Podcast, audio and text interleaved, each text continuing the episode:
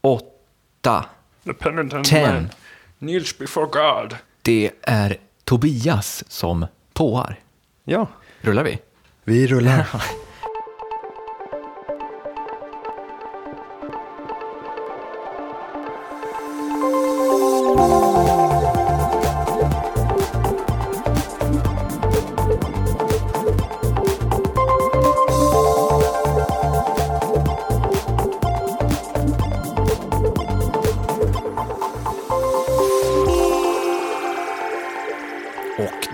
hälsar vi välkommen till del 63 i den episka följetongen av vattenpölsgrunda analyser obiter dictum.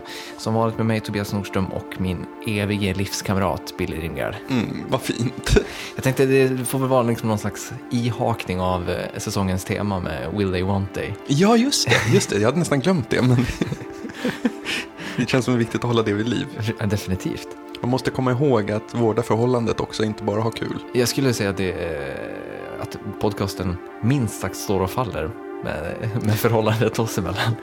Och idag är vi tillbaka och vårdar podcasten med lite flaggpunch. Det var länge sedan vi hade flaggpunch och kaffe till, till podcasten Ja, av det- olika anledningar. Ja, men det känns, det känns som att man är hemma. Ja, Det, det söta är tillbaka. back at the scene of the crime. Vi, vi brukar ju vara en blandning mellan surt och salt, eller hur brukar man säga? Men med flaggpunchen så är liksom den heliga treenigheten komplett. Ja. Och eh, person of interest. Du bara kastar det ra- rakt in i populärkulturen. Ja, jag, jag måste ta upp det här. Person, person of interest har fått en båge. Kä- Källa på det, re- rent spontant. Twitter. Okej, någon, någon pålitlig Ja, twittrare? absolut. Vars namn jag nu inte kommer ihåg. jag måste kolla ikapp i sådana fall, tror jag. Fast jag har typ tio avsnitt dit, så jag tänker att jag kommer kolla ikapp i sommar. Men jag känner, jag vill, jag vill veta vad det är för båge först, eller? Mm. Så att det inte bara är liksom, Ostbågen. nej men så att det inte är så samma, det är samma upplägg, bara det att fallet sträcker sig över fem avsnitt istället för ett. Åh, åh gud, apropå dåliga. Åh, jag läste någon, ehm, vad hette hon, hette hon Tove? Ja, en i mitt Twitterflöde som skrev att hon hade börjat läsa en deckare men var tvungen att sluta därför att en av grundförutsättningarna för plotten var att mördaren i fängelset hade tillgång till internet men han fick inte skriva någonting. Han kunde inte kommunicera utan han kunde bara läsa. Ja, det låter flippat. Det är som ett Twilight Zone-avsnitt ungefär. Ja, men liksom om, om, jag mår så dåligt över just sådana där berättargrepp. Att så här, okej, vad är förutsättningen för att jag ska kunna berätta min historia? Jo, det är den här. Och så, så kör man bara på. Det är Men- så här, bromsa. Men finns det inte de där klassiska eh, domgrejerna i USA, typ med Kevin Mitnick och sånt, alltså att de, eh, att de är, typ för resten av livet inte får använda ett tangentbord eller någonting sånt? Jo, jo, fast något slags avancerat barnfilter tror jag här rör det sig om. Att man bara, ja. Jag vet inte, jag blir förbannad på sånt. Jag blir förbannad på att om man gör en båge som sträcker sig i fem avsnitt istället för ett. Man har gått på den enkla några gånger och tänkt att nu kommer den här serien att lyfta eller nu, nu händer det. Ja. Kan vi reda ut det där? Båge, var kommer det ifrån? Ark. Jaha. Det, det, det, det fanns ingen roligare förklaring. Nej, jag hörde någon använda det i, vi pratade om en radiodokumentär. Så var det någon som använde ordet båge. Och det tyckte du kändes fräscht. Jag tyckte det kändes... Eh, eh, Alltså jag kritiserar bara för att jag känner att jag typ sakta men säkert håller på att sugas in i användandet av båge och jag vet inte om jag är helt bekväm med det. nej. vi kan väl... Eh, Jag jag ska försöka hitta på ett bättre alternativ då, en, en ARK helt enkelt. mm? Har du sett att eh, Pharrell och Hans Zimmer arbetar tillsammans? Nej. Eh, det är ju så här, Hans Zimmer håller ju på och arbetar för fullt med Batman-soundtracket, men då han extra knäcker lite grann eh, och är då musical consultant till Oscarsgalan som går av stapeln i helgen och då har han då tagit in Pharrell Williams som eh, hjälp. Eh, jag, vet inte, jag såg någon intervju med Pharrell där han pratade om att här, han har aldrig lärt sig så mycket av någon som av Hans Zimmer. Hans shot first. ja. Nej men alltså, jag, jag är helt chockad. Alltså Hans Zimmer och Pharrell, ja. Så att nå- nästa liksom No One Ever Really Dies-album kommer vara så här, eh, ett, ett episkt soundtrack-album. Typ. Kombinationen av de här stora stråkarna och epi, episkhet eh, kombinerat med urban musik. Den, den är också en enkel som många har gått på. Ja. Eh, många gånger utan särskilt bra resultat. Såg ju senast här i, vad var det? Eh, ah, glöm det, jag klipper det här sen. Kombinationen Insane Clown Posse, Mozart och Jack White var det ju. Usch. Ja. Som var fullständigt vidrigt. Three bad things don't make it good. Nej. Ja, vad har hänt annars då i veckan? Eh, jag vet inte om du har sett det, men det, det har kickat igång en ny viral kampanj för filmen. The, den heter The You, eh, YouTube. Eu- Europa. Eller säger man eh, Europa på eh, engelska? Europa. Europe. Europe. Men Fast Europa. den heter ju Europa. Europa. Ja. det, den heter fall The Europa Report, eller Europa Report. Eh, och är då en eh, film om en rymdexpedition. Eh, och det var då en, en, en hemsida som kom upp från företaget som har finansierat den här expeditionen och man fick se eh, lite, lite ja, korta klipp från skeppet. Mm. Eh, Den här filmen ska då ha premiär 2013 så jag antar att det kommer hända en del grejer med den här virala kampanjen. Eh, Men så initialt, hur känner vi? Alltså rymdutforskning är ju alltid, det är alltid tummen upp. Per Ja. någon slags default-läge. Alltså jag kommer att tänka på det, hur många rymd exploration-grejer har man sett egentligen? De är inte så överdrivet många. Vi såg den här, vad, åh, hette den? den? eh, Den här när de blev galna allihopa på det här skeppet. Spoiler alert. Ja, vad hette den? Pandorum. Pandorum ja. Eh. Jag har för mig att vi har pratat om den en gång tidigare i podcasten och även då fick sitta och fam- famla efter namnet. Ja, men Pandorum, det var, det var ju lite space exploration-tema på något Mm. sätt.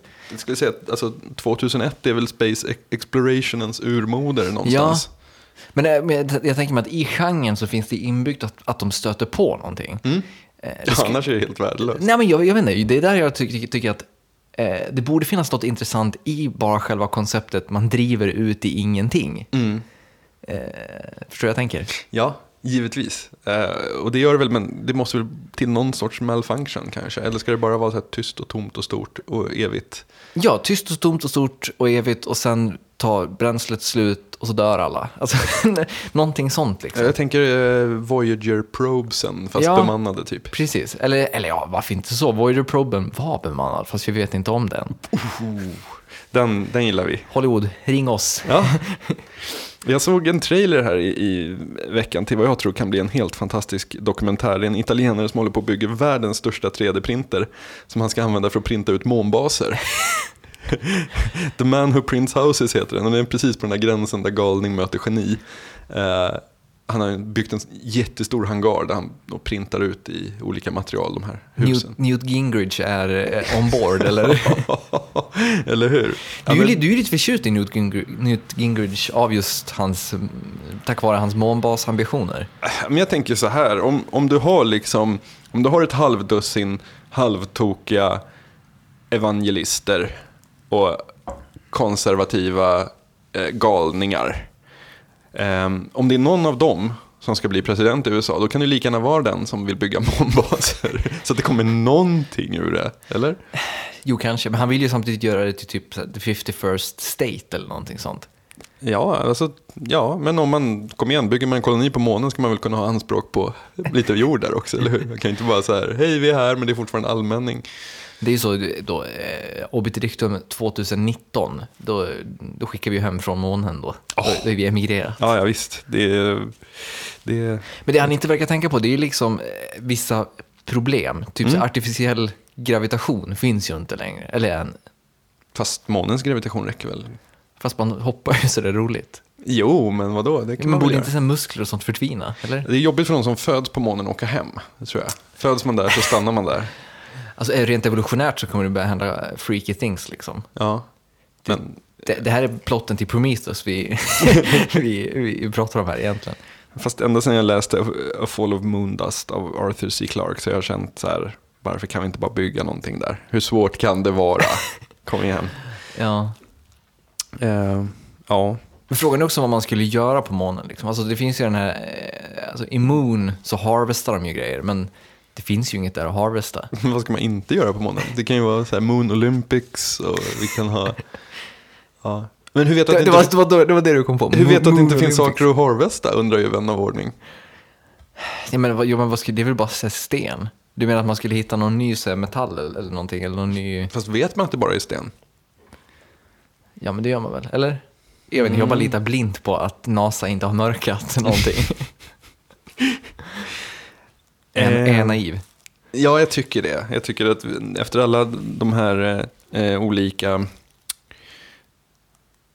konspirationsteorierna som vi har gått igenom och saker vi har lärt oss på vägen så borde du vara lite, lite mer öppen för, för saker och ting kanske. Ja, okej då. Eh, kommer du ihåg Erik som var med eh, och berättade om när han eh, var med i en jordbävning i avsnitt 40? Jajamän. Eh, han tipsade mig om en ny serie som heter Doomsday Preppers som eh, följer survivalists i eh, USA när de förbereder sig för undergången. Shit. Vi har en del att lära oss där tror jag. Det har gått fyra avsnitt hittills. Eh, ett citat som jag lyfte, jag har inte sett någonting av det här ännu, jag har bara liksom ehm, jag har bara kollat upp det lite grann. Ett, ett citat som jag lyfte det var If the grocery shelves are empty, you're only nine meals away from anarchy. Ja. Men, jag menar, alltså, de är, det är liksom någon slags eh, blandning mellan realityserie och rockysåpa, eller? Det är nog, eh, alltså jag, tror, jag vet inte om det finns någon så här, något narrativ egentligen, utan det är mer att de följer de här familjerna eh, liksom, i deras preparations. Ja, okej. Alltså allt ifrån vapenvård till födda grisar liksom, eh, och bygga bunkrar. Det var en snubbe som, en familj berättade, eh, fick jag berätta för mig att de har köpt ett hus med en pool och så har de tagit och byggt poolen till ett liksom, eh, Skyddsrum. Ja. Problemet med det där är liksom att ett skyddsrum som befinner sig på så här 30 centimeter under jorden, det är it ain't gonna do much när supervulkanen får sitt utbrott. Liksom. Nej, true. Eller när kärnvapenkriget bryter ut. Nej. Eh, kanske att det skyddar för en solar flare, möjligtvis. Det är sånt här som vi ska sitta och diskutera i Sveriges Television, tycker Henrik, som har kommenterat på sajten. Eh, och tycker att vi ska pitcha programidén Studio Nibiru med insikter och åsikter om aktuell nörd och populärkultur. Ja, eller, eller bara ett enda långt diskussionsprogram om Nibiru. I fem delar. Istället för veckans brott, veckans Nibiru. Med massa folk som säger att de har hittat den. ja, Alltså grejen är väl så här att ehm, jag eh, bävar för tanken att vara framför en kamera. Lite så. du tycker inte att du... Att, nej, jag inte säga du tycker inte att vi passar framför en kamera, men sen kom jag på att det gör vi nog kanske inte. Jag gör det definitivt inte. Jag, nej, det är radio, Jag tycker du är blygsam nu, Billy. Du, radioutseendet. du menar att du har ett radioface? Ja, Nej, jag, jag håller inte med. Det är väldigt många på Radiohuset som är päronformade. De har liksom aldrig, de har aldrig behövt bry sig om sin form. Eh, lyssnar dina kollegor på Radiohuset på det här? Det, kan, jag tänker, det kanske inte kommer gå hem så, så himla bra. Tar man åt sig så är det, får det stå för dem. eh, en annan reaktion här från sajten. I förra avsnittet så nämnde vi att Mr. Bin kommenterade och trodde att vi eh, hade slutat sända eftersom uppehållet var så långt. Och han har kommenterat igen här efter att vi sa förra veckan att kom igen, vi var bara borta en månad. Och då borde han, han tyckte att vi borde ha påpekat det på sajten. Och point taken, men jag tror att det är jättebra om ni följer oss på Twitter eller Facebook. För det är där liksom vi skjuter ut den mesta så här superaktuella infon på något Mm. vis. Framförallt fejan, tror jag. Ja, om det är så servrar som kraschar eller liksom om det är, ja. Det, det, blir lite bökigt att uppdatera sajten dagtid ofta. Sådär, så att, Ja, och sen känns det som att alltså, som det är nu så är det ju bara eh, liksom, avsnitten på sajten. Då känns det fruktansvärt smutsigt att eh, slänga ut ett inlägg om eh, status eh, Ja. där. Liksom. ja, lite så. Det sköter vi i de eh, mindre, i de unpure kanalerna. Liksom. Precis, det, man, man ska nog betrakta sajten som ett arkiv Ja, kanske. ja, men eller hur? Ett showcase. Portfolio.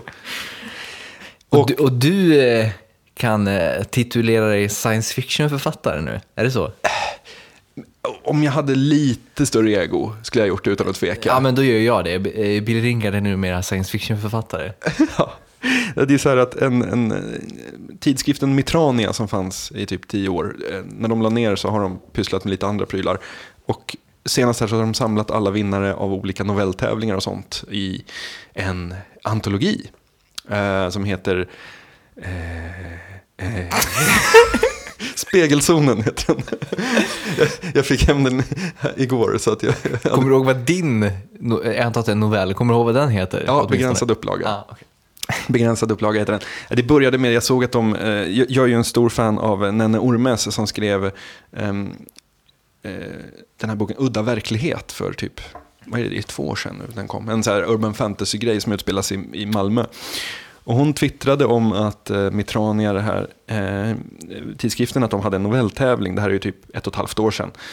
Och jag, inom science fiction, fantasy och skräck. Och jag sitter då och tycker att hur svårt kan det vara? För man är lite så här neggig mot svensk SF.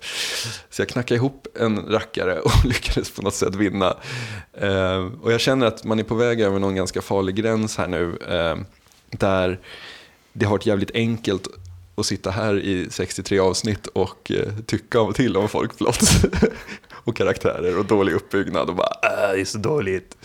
Um, så, att, så att nu är det liksom upp till bevis här eller? Ja, alltså om man fortsätter den här inslagna vägen så kommer man ju själv bli måltavla för sånt och det är ju lätt att, att bli liksom um, man är ju lite av en sitting duck när man själv har suttit och delat ut dagsedlar till höger och vänster här. Men jag tycker ändå vi välkomnar alla former av recensioner av begränsad upplaga. Ja, absolut. Vi är ju inte främmande för kritik i den här podcasten. En brutalt ärlig kritik vill ja. vi ha. Uh, så att vi, ja, jag kan länka till mitt, men lite reservation. Jag har inte gjort omslaget. Eller valt omslaget. jag, jag, är lite då, en sak, jag tycker att allt det här är helt fantastiskt, men jag är dock lite besviken på att du inte skrev den här under pseudonym. Mm.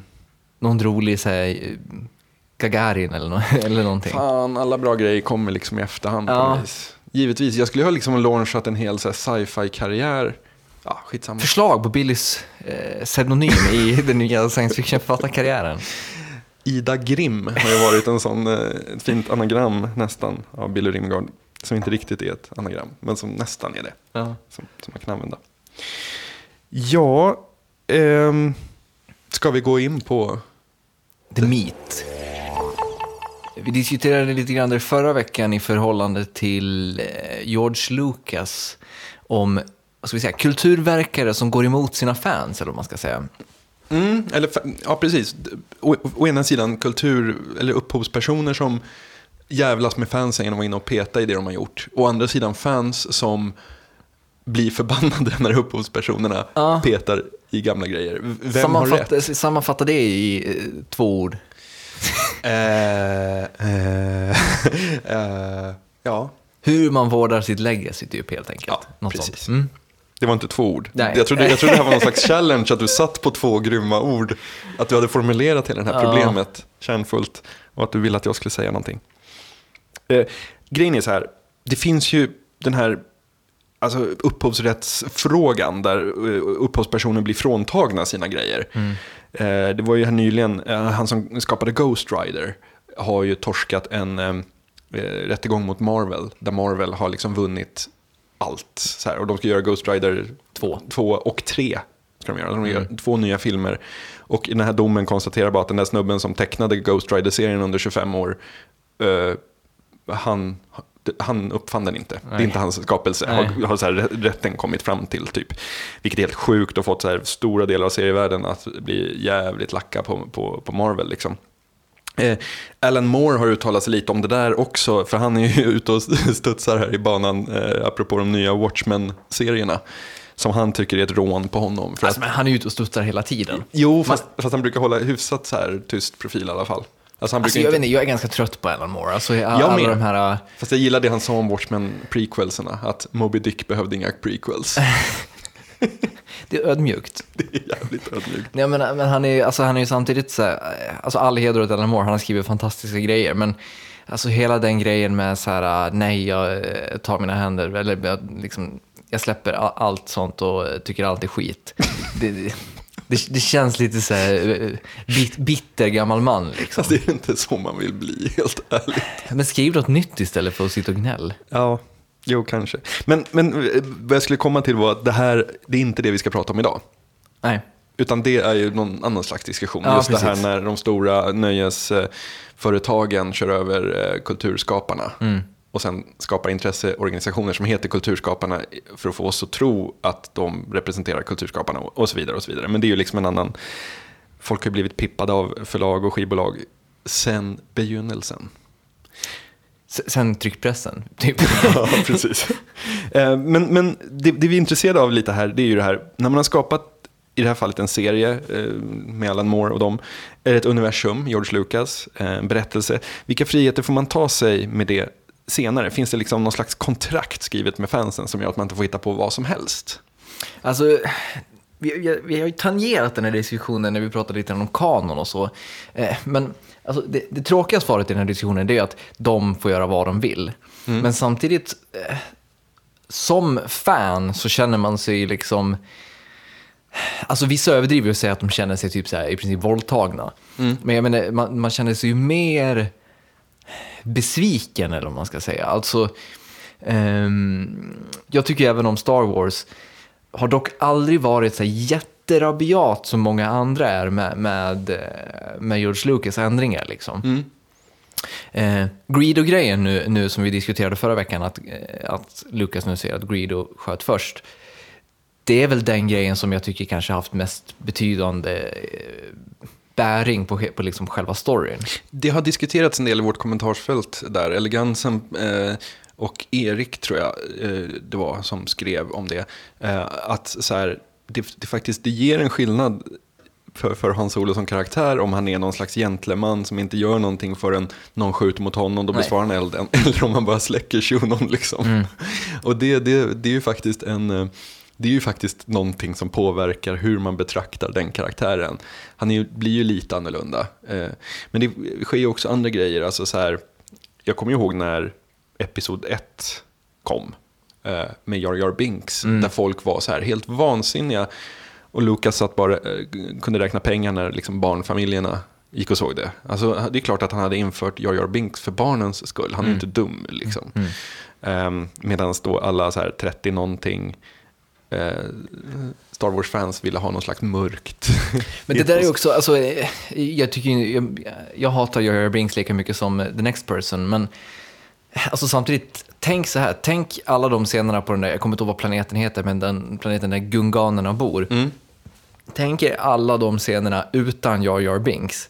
Alltså det hade blivit så torrt att det hade, det hade inte gått att titta på. Alltså det hade liksom varit då helt plötsligt en timme politik. Och Jo. då snackar vi inte liksom så här rapp eh, amerikansk presidentdebatt, utan då snackar vi så här Sveriges riksdag-politik, där, där det liksom är tråkiga jävla diskussioner och tråkiga konflikter. Liksom.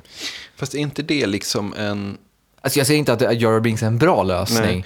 Men är inte, det, för- alltså, inte hela den delen av filmen skriven runt Jar Jar Binks? Alltså inte det så här, okej vi behöver ge honom en relevans till den här historien. Ja. Jo, definitivt. Ja, Sen hade man självklart kunnat gjort honom till en bättre comic relief. Men, men det känns ändå som att det finns en poäng med att han är lite, inom citationstecken, underhållande i hela det segmentet. Jo. Jag, som jag sa förra gången. Du är ju ingen stor Star Wars-fan. Nej, det är så, jag inte. Ge då en så här ren, rent objektiv syn på, på Star Wars-fenomenet och Lucas ständiga ändringar. Det som sabbade de nya filmerna för mig var att det, de kom ju i en jävligt så här otacksam period när så här CGI började bli så avancerad att man kunde göra ganska stora datorrenderingar. Men de var fortfarande så pass begränsade att man inte kunde göra dem särskilt trovärdiga. Så att för mig är det lite de här mekaniska, vad heter de, klonerna, som, alltså de här arméerna. När de marscherar ut och man ser så här clone stamp, alltså typ, alltså, vad heter det, jag kan, kan inte animationstekniska termer, men man ser så att det är duplicerat. Eh, För mig så, Men grejen att, eh, förlåt att jag bryter in här, men det, jag har sett dokumentärer om, om Star Wars och de är inte dupl- duplicerade.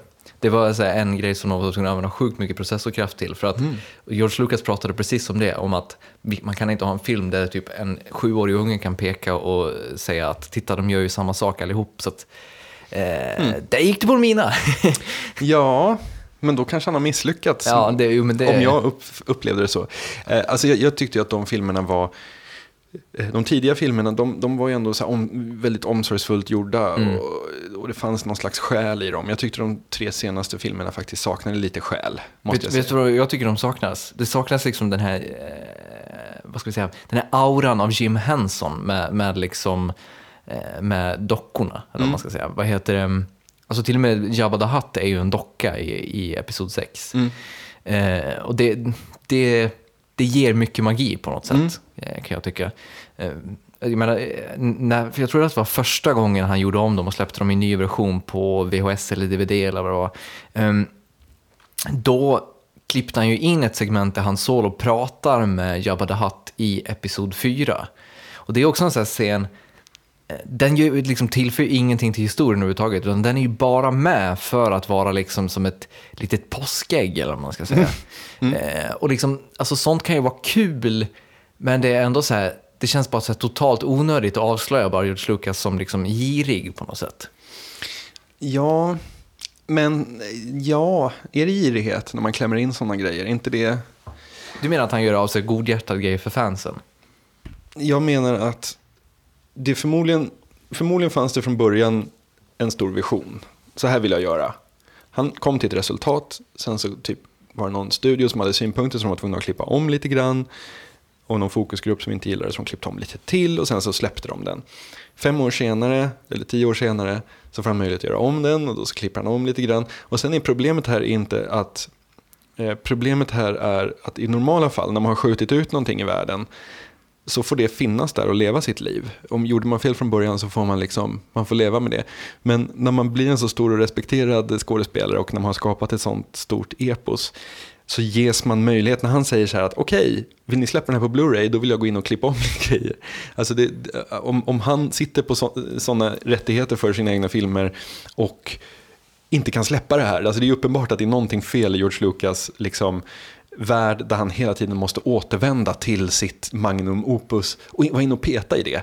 Att, att han så inte bara kan släppa det, att så här, ja men okej, nu är det, det är förbi. Det, det där har jag gjort. Eh, jag, han, han kommer inte släppa det förrän han dör ungefär. Nej, men det är som, som band som åter, så här, återsläpper sina skivor remasterade i två, tre, fyra olika versioner. Tar bort någon låt. Alltså, men känns inte det som en ren så här, studiogrej? Eller? Jo, men alltså som Morrissey nu, hans soloalbum Viva Hate som kommer, där han har lyft en låt. Så här, nej, The Ordinary Boys, inte med. Och du vet, man bara så här, men herregud. Alltså så här, inte för att jag mig om Morrissey för fem öre, men det, det, är så här, man får på något vis välja. Ska jag, ska jag reissua mitt första soloalbum som kom för typ 25 år sedan? Eller ska jag inte göra det? Alltså man, får, man kan inte landa någonstans eh, halvvägs. Nej. Och jag kan snarare så här, tycka att Samtidigt så här, kan jag också gilla den här maniska jakten på det perfekta Star mm, Wars mm, som mm. Lucas är på väg mot. För att någon gång kommer det ju verkligen komma en så här final edition. Men frågan är ju när han börjar peta i de här episod 1, 2, 3. Mm. Det, har han ju inte gjort än, så men det, det, är väl bara en tidsfråga känns det som. Det tror jag. För de kan ju inte ha varit perfekta från början. Men sen var ju även, alltså elegansen var inne på en ganska intressant aspekt på det hela. Det, det är ju att George Lucas faktiskt inte har regisserat episod 5 och 6. Mm. Eh, men han är ju fortfarande på något sätt liksom the grandmaster av hela universumet. Ja. Och det kommer man liksom inte ifrån. Eh, men, det, men det är ändå det är ändå talande på något sätt att de bästa filmerna i serien kanske inte är gjorda av George Lucas. Eh, vi har ju fått en hel del fina kommentarer apropå det här. Jag gillar det här som eh, Tantarian skrev. Att, eh, han skrev så här, eller hen skrev så här. Jag kan känna att när man skapar ett universum som så många engagerar sig i så har man ett visst ansvar att förvalta deras investering. Har man respekt för sina läsare eller tittare förråder man dem inte med innehåll som bara är där för att sälja och i värsta fall göra världen mindre magisk och intressant. Lite som otrohet, det är inte olagligt, bara jävligt dålig stil. ja, men jag, jag, jag, köper det helt och hållet på något sätt. Mm. Eh, det, ja, men det, jag tror att det, det illustrerar väldigt eh, tyd, tydligt vad problemet är också. att det är liksom, jag tror inte att någon på riktigt tycker att George Lucas inte får göra de här grejerna han gör, men att de flesta tycker att ja, det är ganska dålig stil. Liksom. Jag fick ett hojt på Twitter från Louise Lundberg som är jurist. Eh, hon påpekar att liksom, om man tittar på det här rent Eh, la, eh, från lagens synvinkel så finns ju dels upphovsrätten men sen också den här ideella rätten som skaparen har. Ehm, så att även om, man, även om man säljer upphovsrätten att ge ut någonting eller någonting sånt där så finns fortfarande den ideella rätten kvar att man inte kan få sitt verk skändat. Typ. Hon föreslår, att det är en ganska intressant juridisk eh, tankeexperiment, att fansen kanske skulle ha en ideell rätt gentemot upphovspersonen. så att även om så här, produkten säljs vidare eller skapas om på nytt ska den fortsätta ge samma upplevelse. typ. Mm. Eh, att man, det där kontraktet finns där någonstans. Mm. Det är en väldigt rolig, rolig tanke. Uh, och sen tipsar Erik att det finns en dokumentär som heter The People vs. George Lucas. Mm. Jag har något svagt med att jag har sett den här, men uh, jag, jag, jag, kan inte placera. Så att, det, det, känns väl som, vi borde ha gjort läxan och sett den. Men mm. jag har inte hunnit det tyvärr, Nej. men det är ett bra tips. Den, ja. den ska jag kolla. Sen på påpekar reverende att det fina med samtidens nedladdnings och remixkultur är att Lucas och hans lika inte längre kan upprätthålla 100% i makt över produktionen. Att det kommer alltid gå att ladda ner i, i eh, originalversion. Det finns fan-edits utan Jar Jar Binks och så vidare. Mm. Eh, men då kommer vi också tillbaka till det här med kanon. alltså, ja. Eh, men det här, som jag ser också, om man, om man stannar vid George Lucas, så är det ju någonstans ett ganska unikt fall. Därför att det handlar om filmer som har byggt upp ett sånt massivt, alltså så här, dyrkande förhållande. Mm. Um, jag menar om, om någon, jag vet inte, om, om, om, om Fassbinder skulle vara tillbaka och peta i Berlin Alexanderplatz, skulle någon sura ur då? Ja, men alltså, på, jag vet inte, på något sätt känns det som att det skulle, skulle ju inte Fassbinder göra, eller vad man man ska säga. Eh, det, alltså på no, jag vet inte, jag, jag kan inte undgå att, att känna att det måste vara någon form av kommersiella intressen involverat, eller vad man ska säga. Det, Det är det som är grund, den dri, grunddrivande. Ja, alltså det känns som att eh, när man kommer upp på en mer, alltså det här blir ju sjukt lös, lös men om man kommer upp på en mer, mer konstnärlig nivå, eller vad man ska säga, så, så är det mycket mer intressant att låta verket stå för sig själv, eller vad man ska säga. Alltså även om Fassbinder inte skulle vara helt nöjd med, med Berlin Alexanderplatz idag, om han levde, så vad heter det, så, så skulle han liksom på något sätt att låta det stå för sig själv för att det, mm, liksom, det är öppet för tolkning, eller vad man ska säga. Och det, riktigt den grejen finns väl inte hos Lucas eh, i det här fallet. Nej. Eh, men, men jag tänker även så här, typ Star Trek. Eh, när J.J. Abrams gjorde den senaste Star Trek-filmen så pratade han om hur jättemån de var om att liksom inte göra fansen besvikna och liksom skriva om historien. Mm. Eh, och därför då så gjorde de den här liksom parallella eh, universum-grejen istället. Mm. Eh, det är ju på många sätt kanske liksom en, en halvfeg väg runt problematiken, men det är ändå så här... Eh, ja, men det, det, det är ändå liksom så ett, sätt, ett sätt att eh, liksom visa att man eh, har respekt för, för sitt legacy, eller vad man ska säga. Mm. Jo, men det tycker jag är ett bra, alltså, det, det är ju omöjligt att göra en sån film. Mm. Eh, om man bara säger så här, fuck you, vi ska göra, jag ska göra Mission Impossible 4 fast i Star Trek-universumet. Mm. Det, det skulle liksom bli så jättekonstigt på något sätt. Finns det några exempel där folk har så här, bara använt typ trademarket och sen gjort någonting helt annorlunda? The League of Extraordinary Gentlemen. Ja. Fast det, men det är, som sagt, då är ju inte Alan Moore involverad. Nej. Liksom. Och vi fick, det här är så pinsamt, var det ett mail eller var det en kommentar eller var det en tweet om Syndicate? Det gamla... Ja, men jag tror det var en kommentar. Ja, eh, på, på, I början av 90-talet, eller 90, typ 94-95, så fanns det ett spel som hette Syndicate som var helt fantastiskt. Jag spelade på min Amiga. Där man, Var det Commodore 64? Amiga, Amiga? Amiga. Man eh, styrde fyra stycken cyborgs, alltså så här, eh, cyborg-torpeder var de. Eh, och så kontrollerar man alla fyra och så skulle man utföra olika så här, missions, eh, skicka in dem i fiendebaser. Och, eh, det var typ så här, företag styrde världen. Och, och, ja. Ehm, helt grymt tyckte jag det var då. Jag testade det för några år sedan och styrningen var helt omöjlig. Det gick inte, gick inte att spela det. Men det kommer ju en, rem, en uppdatering på det nu som tydligen är en first person shooter. Mm. Ehm, och ja, där kan jag ju verkligen känna så här att jag är inte ett dugg pepp på det. Nej, men det, men det är ju samma sak där. Det, det handlar väl bara om, om att mjölka en franchise. Liksom. Mm. Alltså att man får med sig de gamla fansen plus att man får med sig massa nya på något sätt. Eh, Och det är bättre att anpassa konceptet för de nya fansen. Det är precis så liksom som Star Wars-grejen. Det är bättre att man vet att de som såg eh, Star Wars på 70-talet, de kommer liksom följa med även eh, i de nya Star Wars-grejerna. Plus att du får alla nya då när det är nya häftiga 3D-animationer. Men en sak som är lite lätt att glömma det är att det här med att uppröra fans och, och göra ens fanbase förbannad. Det är ju liksom ingenting som är nytt egentligen. Det är nytt, alltså det är ganska, George Lucas är ganska ensam om att möta den här vreden i filmvärlden. Men det är för, för att, som vi sa, att man betraktar kanske film på ett annat sätt på många andra håll. Eh, men i, inom musiken så har det ju liksom funnits ganska länge. Och jag gick in till eh, Järmund Stenhag som är musikredaktör på P3 för att fråga om något bra exempel. Och han tog upp Neil Youngs eh, elektroniska album Trans från 1983 och hade en ganska intressant spaning kring det. Eh, jag lät bandaren gå när jag kikade in till honom så han får förklara själv. Ofta så är det de här väldigt traditionella gubbarna eh, som, som, som, som skapar den här formen av ilska. Men Neil Young gjorde ju just en legendarisk technoplatta som jag försöker leta reda på här som jag inte riktigt... Trans! Trans heter den. 1983 var året.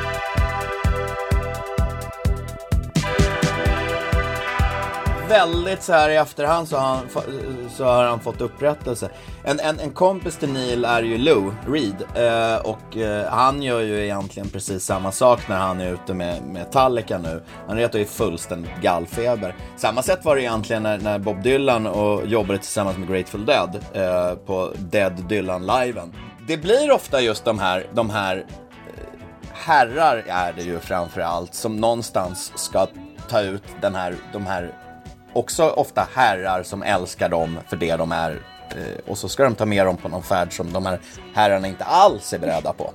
Så det blir väldigt mycket män som, som, som inte hajar någonting. Och så här i efterhand så kan jag säga, alltså även, även så här, jag kommer ihåg när, när, när, när så här band som CC Top, som, är, som, som, som ju är väldigt så här intressant på ett sätt, för att de hade ju verkligen en formel för hur de skulle låta. Och sen helt plötsligt, jag tror att det var runt året 93, 94 så lämnade de det där, hade börjat lyssna på Chemical Brothers. Eh, det måste ha varit 95. Eh, och, och, och liksom Prodigy och, och, och, försökte göra en skiva i den världen. Ja, det, det ledde ju ingenstans frånsett en väldigt missnöjd publik.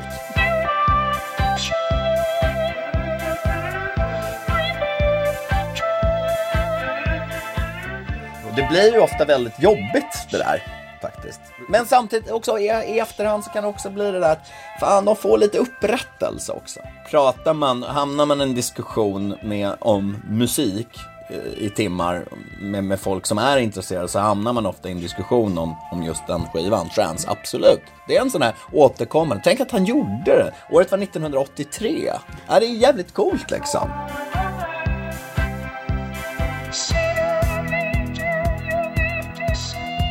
Ja, så sa Järmund Stenhag om Neil Youngs trans. Säger man trans eller trans? Tran, trans. Alltså, jag, jag tror det stavas T-R-A-N-S. Ja, fast en låt heter Trans Am. Ah. Så jag tror att det är, nog, det är nog därifrån det kommer. Men han är ju lite inne på det här också, det här intressanta, att det, det, det känns som ett eh, manligt beteende. Alltså, en herre som är sur på att väldigt många herrar ska diktera för honom vart han ska gå. Ah. Och så gör han dessa herrar förbannade genom att ta med dem till någon helt ny plats. ja, alltså det tråkiga exemplet att bolla upp, det är, väl, det är ju eh, Dylan. Mm. Han har väl gjort eh, sådana grejer ja, löpande genom sin karriär. Liksom. Gått över till... När folk gillar honom som folkmusiker så kopplar han in eh, elstärkare. Ja, men precis. Och när folk gillar honom som protestsångare så börjar han sjunga kristna sånger och, liksom, och så vidare. Det kräver kanske ett visst mått av tjurighet, det här. Alltså att vara grumpy. Eller? Ja, fast jag vet inte, va? I, i liksom... Eh, I Dylans och Neil Youngs fall i de här exemplen så är det ju det är nästan som en slags krigsförklaring eller vad man ska säga. Det är ju inte som, de här, som eh, George Lucas som vill, som vill eh, liksom utveckla sitt universum lite grann. Det, det är ju verkligen en så här typ, eh, fuck, fuck you, jag, jag, jag gör vad jag vill. Men jag tänker mig så här till exempel eh, Metallica och Lou Reed samarbete eh, nu senast här, mm. alldeles innan eh, nyår var det väl. Mm. Gräsligt. Ja, alltså jag vet inte, jag, jag har lyssnat på det, jag tycker inte det är så gräsligt. Mm. jag, tycker, jag tycker snarare så att, det är liksom, att folk närmar sig det på fel sätt, men det är en annan diskussion. Um, men det är ändå ett sätt att, jag, jag, tror inte att det är ett medvetet fuck you till fansen. Eh, däremot så tror jag att det är liksom en vilja att vilja eh, vad ska vi säga, bryta sig fria från mallen om vad Metallica är, från Metallicas sida då, och sen spela in någonting tillsammans med en legend, vilket då resulterar i någonting som fansen avskyr. Mm. Eh, men då, jag antar att de står liksom fast vid, vid Lutalica-projektet. Liksom. Ja, alltså, deras uttalanden i samband med att det kom var ju så här, ja, ah, det här är det bästa vi någonsin varit involverade i. Det, ingenting kan slå det här. Det ja, det är så jävla bra. Mm. Liksom. Men har vi några kvinnliga exempel då på eh, kvinnor som har vänt fansen? Det finns ju många kvinnor givetvis som har gjort det svårt att följa dem. Mm. Alltså Kate Bush har inte varit särskilt lätt att följa för de som gillade liksom Hounds of Love. Um, det, det, eller uh, Björk inte varit lätt att följa. Eh, givetvis, men där... Problemet är, de är inte inne och petar i sina gamla grejer riktigt. De är inte inne och petar i sina gamla grejer. Eh, Jag tänkte, alltså, jäm, jag jämförde med Neil, Neil Young här som Ja. följer upp liksom Live Rust, eh, träskrocken med, med någon helt absurt futurism. Jag måste bara säga det, det är- det är sjukt coolt gjort med de här konstiga vokodersångerna och sånt. Och jag tänker, alltså om man tänker i den, han, han är ju rent tekniskt inte in och petar i en gammal grej så heller. Ehm, och jag tänker att där finns det ju väldigt många, men det finns på något sätt alltid så här, med, med typ både Björk och Kate Bush har man ju på något sätt de, man har vetat vad man fått när man börjar följa dem. Att det är komplicerade personer som liksom tar ut breda svängar i sitt konstnärskap. Ja, men precis, alltså, det, det tillhör nästan liksom normalläget. Att, Ja. att man går från en grej till en väldigt annorlunda annan, så att säga. Precis, och om man tänker en sån som Courtney Love eller någon sån där som liksom mer har flippat. Det är ju en, en annan så här klassisk mall att man, alltså efter, ett, efter en, en bra karriär så ska man bli motvalls allting och börja göra jättekonstiga grejer. Och det är ju ingenting som är liksom unikt va- vare sig för män eller kvinnor utan det finns ju mängder av exempel från, från båda håll. Men jag har faktiskt inte lyckats fiska fram något bra, något bra exempel på, på någon kvinna som har gjort den där eh, alltså krigsförklaringen. Ja, jag har ett exempel som eh, det, det är nog inte ett bra exempel än, men om jag hade sagt det om ett år kanske det hade varit det. Jag tänker på J.K. Rowling, eh, som efter att hon avslutade då Harry Potter-trilogin i fjol lanserade det här projektet Pottermore, som ska vara det här communityt som ska liksom vidareutveckla Harry Potter-världen på något sätt. Eh, och det har ju mötts av en del kritik, mycket för att det liksom har varit fast i någon slags betaläge. Eh, jag tror att det skulle vara så att det skulle bli publikt i oktober eller någonting sånt där. Men det är fortfarande i, i så betaläge och eh, eh, nya uppgifter tyder då på att det, liksom, att det ska vara kvar i betaläge indefinitely. Så att, eh, hon håller väl på och vända fansen mot sig eh, i och med liksom hela det projektet. Eh, och hon ska ju även ha skrivit då, eh, jag tror att det är 18 000 ord eller någonting som ska vidareutveckla Harry Potter-universumet. Eh, men sen vet man ju inte hur, i vilken riktning det sker. Men hon har även gjort en sån här grej som att Alltså att hon avslutade, spoiler alert då för de som inte har läst eller sett Harry Potter och eh, fortfarande vill göra det. Eh, alltså att hon avslutade hela, sitt, eh, hela sin story med liksom den här framåtblicken. När Harry Potter och Hermione och allihopa är eh, gamla. Eh, För det är ju på något sätt ett sätt att, att förhindra någon slags vidareutvecklingar, både från henne själv eh, och liksom andra författare. För i så fall får man liksom lov, alltså man, man kan ju fortfarande berätta nya historier från Harry Potters skola och så, Hogwarts. Men, eh, men de kan ju då liksom inte riktigt behandla Harry Potter som man, vet att Harry Potter, han kommer överleva tills han är medelålders och har barn och allting. Liksom. Eh, så det är ju ett sätt hon har gjort det på, men sen vet man ju inte vad, vad liksom hela Pottermore-grejen kommer handla om riktigt. Men jag vet inte, vi får se. Som jag sagt, vi, vi, vi, återkopplar till det om ett år och ser om J.K. Rowling är hatad av alla Harry Och Potter-fans. hon sitter ju i en position där hon faktiskt kan göra det också. Yes. För hon har byggt sitt universum, hon är älskad av liksom hundratals miljoner människor. Eh, och hon har ju liksom möjligheten att flippa. Ja, och det känns som att här, det, det skulle inte förvåna om hon kommer på liksom att så här, nej, jag vill mjölka Harry Potter-storyn lite mer och typ skriver tre böcker till som är berättade ur någon annans perspektiv eller någonting sånt. Liksom. Gör Hermione jätteond. Vore ja, coolt. det, men då hade ju fansen rasat direkt. Ja, givetvis. Eh, avslutningsvis då, finns det någon eh, kultur eh, som har fått dig att känna dig, om, kanske inte så här rasande, för vi kanske inte, liksom, vi kanske inte riktigt har den växeln, men besviken då?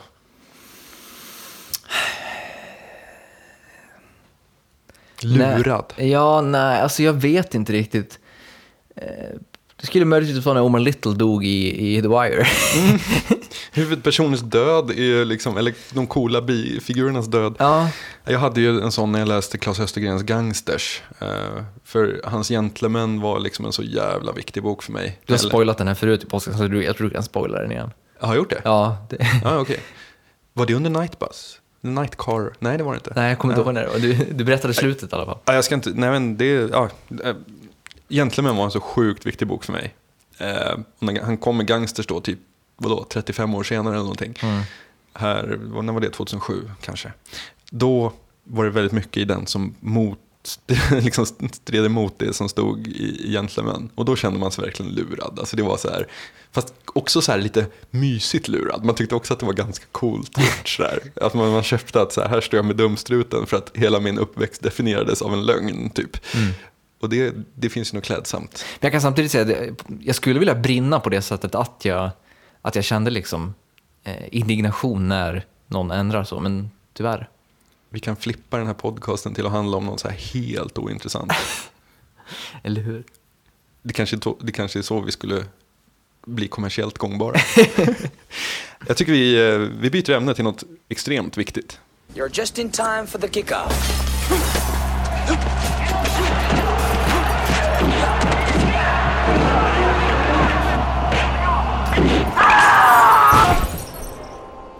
Och den där lilla gingen den kan ni memorera redan nu. Den kommer att återkomma ständigt under vårsäsongen av Obit Dictum.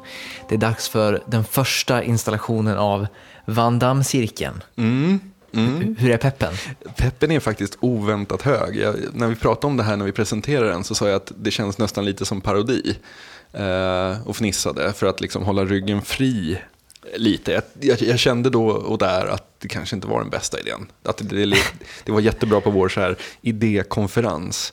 Eh, men att det inte kändes så jävla kul. Nej, men, alltså, alla, alla former av små tvivel eh, försvann ju snabbt när man eh, såg om eh, Bloodsport, måste jag säga. Alltså, jag, när, när jag började titta på den, för det första är det jävligt bra att vi har valt filmer som finns i sin helhet på YouTube. så man slipper sitta och tanka dem. och sen, alltså, jag, jag, jag tittade på den och tänkte att så här, nu ska man få sig ett annat gott skratt, ungefär som när vi såg eh, Hotet från underjorden 3 förra året. Eh, att, man, att det skulle bli lite, alltså, ja. Men jag skäms inte för att säga det här, jag tyckte att det var, det var den, den höll, det var en bra film. Mm, men definitivt. Eh, men om vi börjar liksom... Jag ska bara säga det att Sti... Steve van Cleef skrev så här på vår sajt. Det är mycket som är tokigt i den här filmen, men fasen alltså. Undrar om jag har retroglasögonen på mig, för jag kommer på mig själv att tycka om det här ändå. Ja, men jag, jag tyckte om det väldigt mycket. Men vi, om vi börjar den här änden. Eh, hur fungerar det som introduktion till Jean-Claude Van Damme? Jag tycker den fungerar utmärkt, förutom den extremt dåliga tillgjorda eh, accenten på eh, young, young Jean-Claude Van Damme, som Ja. gör inbrottet. Som yngling gör han ett inbrott i den här senseins eh, hus och ska stjäla ett svärd. Och så kommer sonen i hu- hushållet fram och spöar honom. Ja, och Sensei säger “The sword must be earned” och så påbörjar träningen. Alltså Sensei, det är ju ett sjukt under... Vad, vad, vad hände med Senseien? Alltså det, Ja. det senaste Senseien vi såg var väl, vad heter det, mm, Jackie Chan i remaken av Karate Kid. Just det. Och det kändes mer som en hyllning än en nytappning. Dock i Revenge. Finns det en Sensei i Revenge? Han som kommer och säger When when in Viper's nest, you must be Viper. Jag följer ju inte Revenge, men alltså nu blir man jag blir ju lockad, definitivt. den här vi- vice japanen som kommer att leverera sanningar är man ju sjukt svag för. Eh, jag tycker det fungerar som en utmärkt introduktion till Jean-Claude Van Damme. Eh, och soundtracket. Ja, men vi, vi, vänta, vi väntar lite med soundtracket. Jag, jag, vi, vi, vi, vi kommer dit. Men jag, vill, jag tycker också att det är en perfekt introduktion. Mycket för att filmen i princip är ett enda långt showcase för, för Van Damme. Alltså det enda han gör, eh, vad ska vi säga, de första två tredjedelarna av filmen är ju att leverera partytricks. Ja, Eh, Det här verkligen. med när han stjäl myntet ur handen, eh, han slår sönder tegelstenar på ett väldigt så här, precisionsartat sätt. Death touch. Ja, alltså det, alla de grejerna handlar ju bara om att direkt så här, i början av karriären eh, etablera en myt, känns det som. Och det gör, det- gör det på ett väldigt bra sätt. Vi har den här liksom, spagatscenen när han sitter i den här ställningen, är ju helt fantastisk. Och när, alltså, det är någonting med, det var väldigt, väldigt länge sedan som jag såg en sån här film eh, med, eh, vad ska man säga, med dojning i. Eh, och jag kom på hur sjukt underskattade de här träningssekvenserna är. När man ser Montage. montage med bilder, och det är inget litet montage, det är typ tio minuter. Montage när man lär sig, liksom. Och i början får han stryk hela tiden och flyger och liksom, och så slutar det med att han ska bjuda sensei och senseis fru på te med ögonbindel framför ögonen. Och han går runt bordet och häller upp teet så himla fint och så sätter han sig ner och så sätter, ska han precis ta sin egen tekopp när Sensei slår världens jävla slag som han bara liksom, eh, Stoppar pa- med handen. Stoppar med handen, fortfarande med ögonbinden på. Då vet Ja. man att han är redo. Men jag, jag, jag tror också att hela den, den här liksom eh, andligheten, eller den här nivån av andlighet som odlas genom hela det här eh, montaget, det är väldigt talande för ett 80-tal, tror jag. Alltså, det, I någon slags hyperkommersiell, väldigt ytlig värld så blir liksom kampsporten blir någonting väldigt, väldigt eh, spirituellt. Liksom. Eh, och, och det, det är liksom eh, det är våld, men det är liksom ett, ett, någon slags så sinnesrofyllt våld, eller vad man ska säga. Precis, det krävs fokusering, Ja. det krävs här och nu. Det krävs meditation, i spagat. I spagat. Precis, alltså det blir, det, helt plötsligt så får man ett syfte som handlar om någonting annat än att liksom lyfta miljoner på Wall Street. Typ. För, för Wall Street kanske skulle vara så här den antitesen Mm. Ja, till bloodsport. Ja. Eh, om man ska ställa filmer mot varandra. Men vi måste komma till soundtracket känner jag. Du, du är het på soundtracket. Jag fick ett sms av Tobias där han skrev eh, shit vilket soundtrack och det roliga var att jag hade tittat i tio minuter när jag stoppade, pausade, gick in på IMDB för att kolla vem som hade gjort musiken. Det visade sig att han hette Paul Herzog. Um, googla honom lite, upptäckte att han har bara gjort fyra soundtracks och det var under en, en treårsperiod där i slutet av 80-talet. Två filmerna var till Jean-Claude Van Damme-filmer.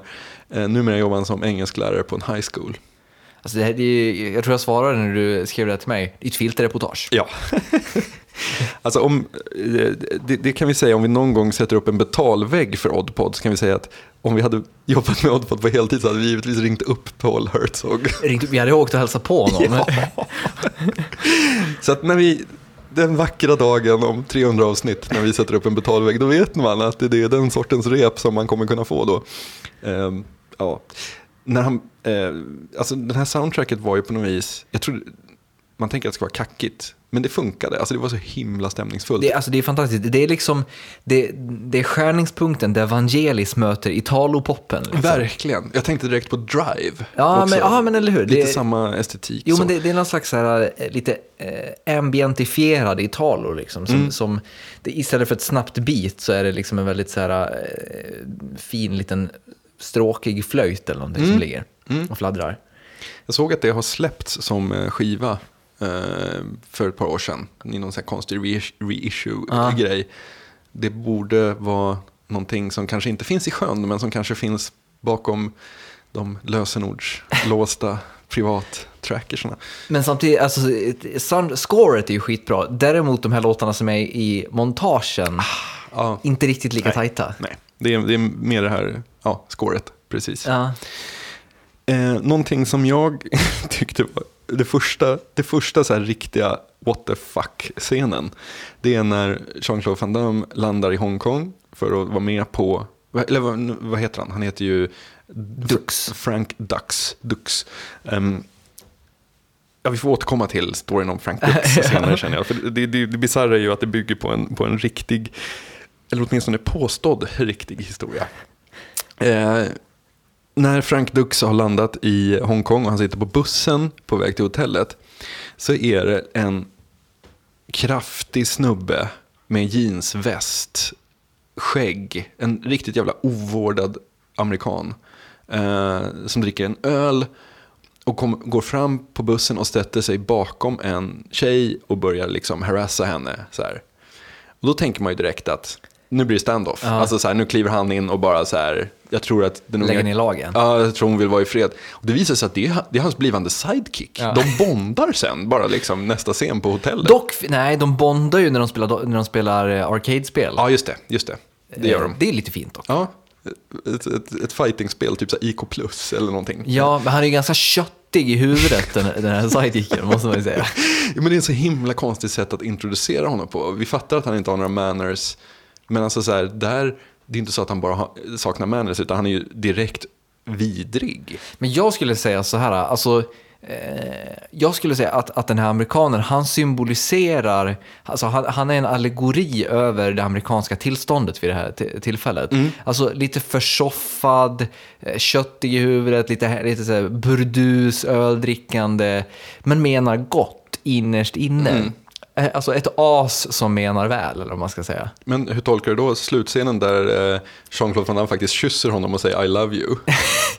Men det är bara en homoerotik. Ja, Det, det måste ju vara det. För, ja. Alltså, jag tänkte... Det är mycket homoerotik ändå. mycket är det. Det, alltså det inledande montaget med massa eh, män som slåss i bara överkropp är ju liksom... Eh, ja men det, det, det, det, är ju, det, det är ju liksom voyeurism i, i träningsmiljö eller vad man ska säga. Men den slutscenen, om vi ska, liksom, nu när vi ändå nuddar vid den, hur osannolik är den idé att den skulle kunna finnas i en film idag? En Ja, Hollywood... men, ja, men också hela den här grejen med, med de här två, eh, vad är de, CIA-agenter? Ja, Forrest Whit- en, en ung Forrest Whitaker. Ja, och, och en till snubbe som, som jagar honom och sen då liksom i slutet då, eh, när de väntar på honom och han bara nej, han dyker inte upp och så kommer Frank Dux ut från flygplanet och bara you guys och de liksom bara ah, alltså just den där ballbusting-grejen känns ju bara helt, helt osannolik. De här CIA-agenterna har jagat honom till andra sidan jorden och bara ja, nej, Frank, Frank han är riktigt riktig skojare. Man bara, what? Åh, det var så mycket konstiga sådana saker. En fr- fruktansvärt märklig kärleksscen också med en journalist som är undercover för att följa den här hemliga turneringen. Ja, och det är alltså den här journalisten, hon, det, jag måste ju ändå ifrågasätta henne, hennes, eh, liksom, vad, vad säger man, Eh, journalistiska staccato, eller vad, vad är det man säger? Det, det är ju inte särskilt proffsigt av henne att, eh, att försöka ta sig in till den här turneringen genom att ligga med Frank Dux. Nej, nej, det är det väl inte. Och så blir hon lite kär i honom på kuppen. Liksom. Eh, det finns ju ett par saker som jag tycker tål att nämnas. Eh, och det är ju, och det, jag tror det här är någonting vi måste komma tillbaka till. När de landade där och han skulle vara med i den här hemliga turneringen och bli hämtad på hotellet eh, och tas till The Walled City, Kowloon. Eh, alltså det är ju ett fantastiskt ställe, eller var, det revs ju i mitten av 90-talet. Ehm, sjukt tätt befolkad eh, plats i Hongkong. Som var som en, jag tror att det är något sån här gammalt militärfort som typ så här eh, byggdes ihop och tog sig över och blev en så kinesisk enklav mitt i den brittiska kolonin. Eh, helt laglöst. Jag gillar när du går in i så Herman Lindqvist-mode och, och eh, så redogör för historia, Hongkongs historia, Hongkongs, Hongkongs urbana historia. Ja, men alltså det sjuka är att 33 000 pers bodde där på en yta som är så jätteliten. Det fanns inga vägar eller någonting utan det var ju verkligen bara hus och gångar och, och olika liksom, ja. Det, 1987 spelades den här filmen in, 1994 tror jag att den revs. Så att vi, det känns som att Walled City är ett ställe vi behöver återvända till eh, i, i någon form. Kanske inte det här avsnittet, men vi kan konstatera att så här, scenerna när de går genom Walled City för att ta sig till den här fighting-arenan var porr. Jag har, jag har en eh, dokumentär på YouTube Grymt. om Walled City som vi länkar till från eh, vår sajt. Det, jag är svag för den sortens eh, städer i stä, staden, så att säga. Men om vi, om vi säger så här, vad, eh, man finner ju Jean-Claude Van Damme väldigt attraktiv eh, i, i, den här, i den här historien. Ung och snygg. Ung och snygg. Han har ju en fantastisk Anton Abele-frisyr till, till att börja med. Den här en väldigt, eh, väldigt slickade snedluggen liksom. Och väldigt så här pojkansikte, inte det här härjade som är bara några år senare i Hard Target. Ja. Utan han är fortfarande väldigt så här, ja. Han känns väldigt amerikansk, vilket är en bedrift med tanke på hans ganska knaggliga engelska. Och han känns också lite så här, man fattar att han, det är första gången som han är utanför typ så här suburbia. Att han har inte varit ute i den stora världen, utan han har bara liksom tränat och tränat och tränat. Och nu ställs han inför de här, ja. Men han är ändå sjukt trygg i sig själv på något sätt. Jo, det är han ju. Han, har- han har alltihop i, i sin hand på nå- i filmen igenom nästan. Eh, Men, eh, men själva fightingen, han levererar ju. Det, det, det kan man ju inte säga emot. Eh, Det är också sjukt snyggt, eh, de här, tycker jag, de här slow-mo eh, grejerna. Det, det ger de här sparkarna ganska mycket liv. Dock ganska konstiga, de här lätena som liksom har spelats in eh, i efterhand för att liksom, det ska, det ska, jag antar att det ska föreställa lite grann som att de går i halvfart, men de låter inspelade i, i vanlig hastighet. Liksom. Så det blir liksom...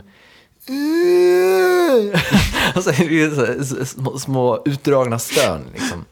Jag är osäker på om Van Damme har lagt dem själv. Ja, nej, det känns som så här, när man gör en sån här film, har man inte en enorm ljudbank med och liksom sådana saker. Antagligen. Och jag är lite tveksam till den mörkhyade killen som tränar genom att klättra omkring i träd och sparka sönder kokosnötter och sen dansar runt i ringen som en apa.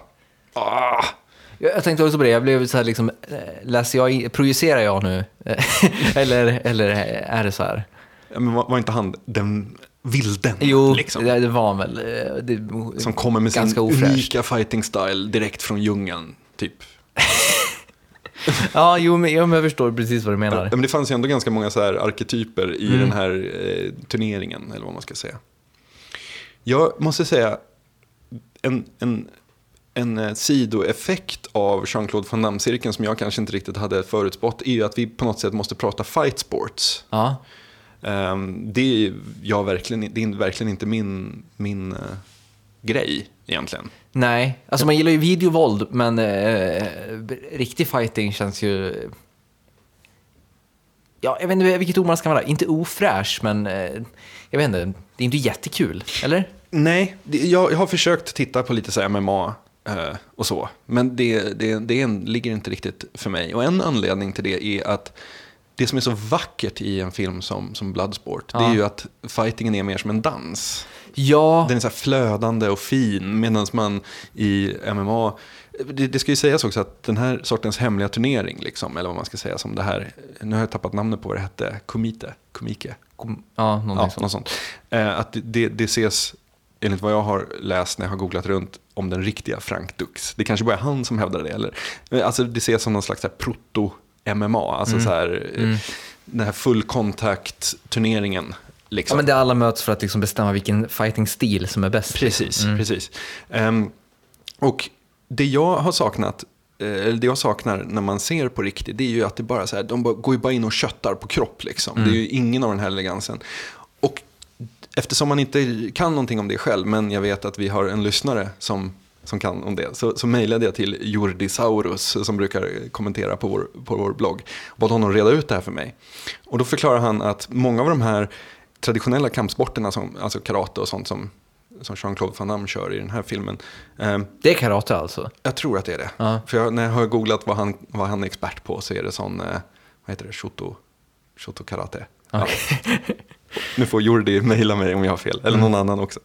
Eh, alltså många, de, de allra flesta traditionella kampsporter, eh, vilket även, alltså typ även så här lättviktsboxning och sånt, det går inte ut på kraft och att släcka folk, utan det går ut på att eh, komma med tydliga träffar så att man tar poäng, så att domarna ser. Eh, vilket gör att när du ställs i en sport där det faktiskt handlar om att släcka folk, så, så är de inte användbara. Därför att du kan inte hålla på med de här graciösa, eh, snygga grejerna. För om det, du möter någon stor shuno som bara så här, ser att du är, gillar att hoppa och sparka, då plockar han ner dig på golvet där du inte kan hoppa och sparka och så är du, har du torskat. Liksom. Så därför så finns inte utrymme för den där elegansen, utan man måste liksom måste kötta mer. Ja, men och sen också i, i Bloodsport så är det väldigt mycket, när de fightas så är det ju precis på något de turas om att attackera. alltså, Ja, men det är koreograferat. ja, men en gör en hoppspark, eh, den andra tar hoppsparken och sen är det liksom den andras tur och då väntar den andra nästan. Det är många gånger liksom när någon är nedslagen, då står den andra personen liksom bara och väntar på att han ska resa sig upp eh, och så att den kan sätta in nästa attack. Och det känns ju, alltså det känns inte otroligt men väldigt så här, gentlemannamässigt på, på något sätt. Och någonting, någonting jag funderar på är så här, eh, runt här, slutet av 80-talet och sen typ 5-6 år framåt så är ju liksom fight-filmernas gyllene era på något sätt. Ungefär samtidigt så är ju även så Hongkong eh, actionfilmernas gyllene era, där eh, eh, pistol, alltså eldstrider också är lite som en dans. Alltså John Woo, The Killer, där liksom det är sjukt väl koreograferat, det är jättegenomarbetat och sånt. Och jag kan verkligen sakna den grejen idag när det, liksom en shootout i en film handlar bara om stora explosioner och att liksom, ja, det, man, man, man får aldrig se det där riktigt vackra våldet på något vis. Men jag tror också, alltså det tror jag handlar lite grann om att eh, alltså allting sånt blir bara en flört med, eh, med Ja. det som har varit på något sätt. Ja. Ehm, det finns ju den här ganska stora shootout-scenen i eh, Matrix till exempel. I den här lobbyn eller vad det är. Just det. Den, och den ses ju liksom eh, av många som liksom en Jo- John Woo-hyllning. Eh, och det är väl liksom symptomatiskt kan jag tycka. Däremot så har alltså Michael Mann har ju varit bra på shootouts på ett, på ett ganska nytt sätt, eller vad man ska säga. Alltså dels i Heat, eh, då är det inte den här dansen, utan det är mer någon slags så här, graciös brute force-grej, där man liksom eh, håller polisen tillbaka genom att skjuta. Eh, men däremot i hans, eh, ja men då är det hans senaste film, Public Enemy. Där är ju den här gamla klassiska gangster shootouten i skogen med, med liksom k-pistar eh, i mörkret. Det är ju, blir ju sjukt poetiskt och snyggt i, i och med att, liksom att ja, men det är så mörkt så att det enda som lyser upp är liksom ljuset från k-pisten som, eh, som skjuter. Så att det går säkert att göra i nya tappningar men det är nog lite sällsynt bara. Ja, jag känner att ehm, vi börjar, alltså vi skulle kunna älta det här ganska länge för vi har inte ens varit inne på Frank Ducks otroliga historia. Nej. Alltså, det, det här ska ju alltså bygga på en snubbe som hävdar att han har varit jätte-black op för CIA eh, och att han var med och var obesegrad. Det kommer ju till och med i slutet av filmen så kommer det ju en, en text att Frank Dux var obesegrad från 75 till 83. Han håller alla de här rekorden, så här, snabbaste knockouten, snabbaste kicken, snabbaste liksom massa sådana grejer. Och hela den här Jag tror inte de här rekorden gäller nu dock. Nej, kanske inte. All, allt det här publicerades ju i någon Black Belt Magazine 81 ehm, av någon journalist som tyckte att han hade fått tillräckligt mycket verifierat för att liksom hävda att det här stämmer. Men bara några googlingar bort så är det ju Frank Ducks heavily disputed Ja. på alla möjliga sätt. Um, bland annat den här, det man kunde läsa sig till, eh, vi försöker länka lite från oddball.se istället för att dra hela den där historien, men det är, det är ju fantastiskt, alltså så här, ja, man, man kunde ju verkligen fördjupa sig i den. Men den här tjock, tjocka amerikanen där på, bygger bland annat på en svensk karatemästare som heter Kurt Pettersson. Ja, det var en förebild för, för, för han ska också ha varit med då i de här hemliga eh, turneringarna, som dock inte skedde på Hongkong utan på... ett till filterreportage, leta upp Kurt, Pe- Kurt Pettersson och kolla vad han gör idag. Ja, eller hur? Och stämmer att det var så här? Ja. Träffade han någonsin Frank Dux? Och så vidare. Eh, Men jag känner att vi, vi börjar närma oss längden på en säsongsavslutning i det här. Vi skulle kunna fortsätta hela natten om Frank Dux. ja, men eh, dit ska vi inte gå. Vi, vi ska däremot bestämma nästa rulle i Van Damme-cirkeln. Yes, och eh, vi tänkte att vi eh, direkt då i någon slags tanke om att vara någorlunda Eh, vad heter det? Man går i rätt- rätt. Kronologiska. Kronologisk ordning så kör vi Cyborg till nästa vecka. Eller till nästa cirkel Mm, om, två, om två veckor. Yes. Spännande. Den ska, ju- den ska vara otroligt dålig. Ja, och det, det blir väl intressant att se om det blir en motpol till Bloodsport då. Mm. Är det den alltså som är näst? Det är inte kickboxer, det trodde jag. Jo, men jag tror vi hoppar kickboxer. Ja, Den det är ju samma film. Exakt, det är i princip samma film. Och därmed så är vi framme vid finalen i turneringen där vi möter den onde asiaten. Eh, vi, vi, förresten, apropå det, bara snabb revisit här till, till Bloodsport. Den nemesisen han har, vi- visste du att han var 51 år? I filmen? Ja, Shit! känn på den. Hur vältränad och tight får man vara på en skala 1 till 10? Eh, vi är inte 51 år gamla, men vi har goda tips om livet ändå. Och de levererar vi här i postscriptum. Eh, jag vill tipsa om en film som har, eller en YouTube-klipp är det. Ehm, den har rubriken How Stanley Kubrick used Escher style spatial awareness and set design anomalies to disorient viewers in The Shining. Och det är en kombination av eh, eh, filmklipp från The Shining och eh, de, de har byggt hotellet i en domvärld för att visa alla omöjliga vinklar och sånt. Är det typ så mattorna och det eller? Nej, alltså att rummen är omöjliga. Fönster Aha. sitter på omöjliga platser och liksom, alltså att, att arkitekturen är medvetet, alltså the floor plan är medvetet omöjlig som, alltså som den ser ut i filmen. Så att säga.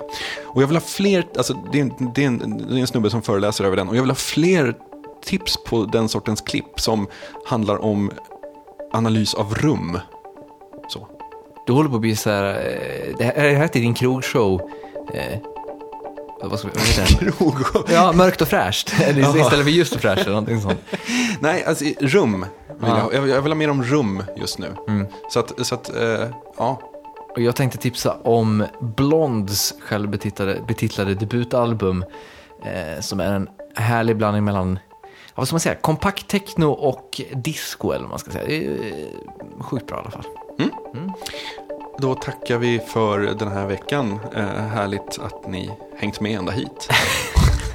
Eller hur? Men eh, gå som vanligt in och kommentera på vår blogg oddpod.se eller dra ett mejl till kontakt oddpod.se. Ha det fint. Tills nästa gång. Ciao.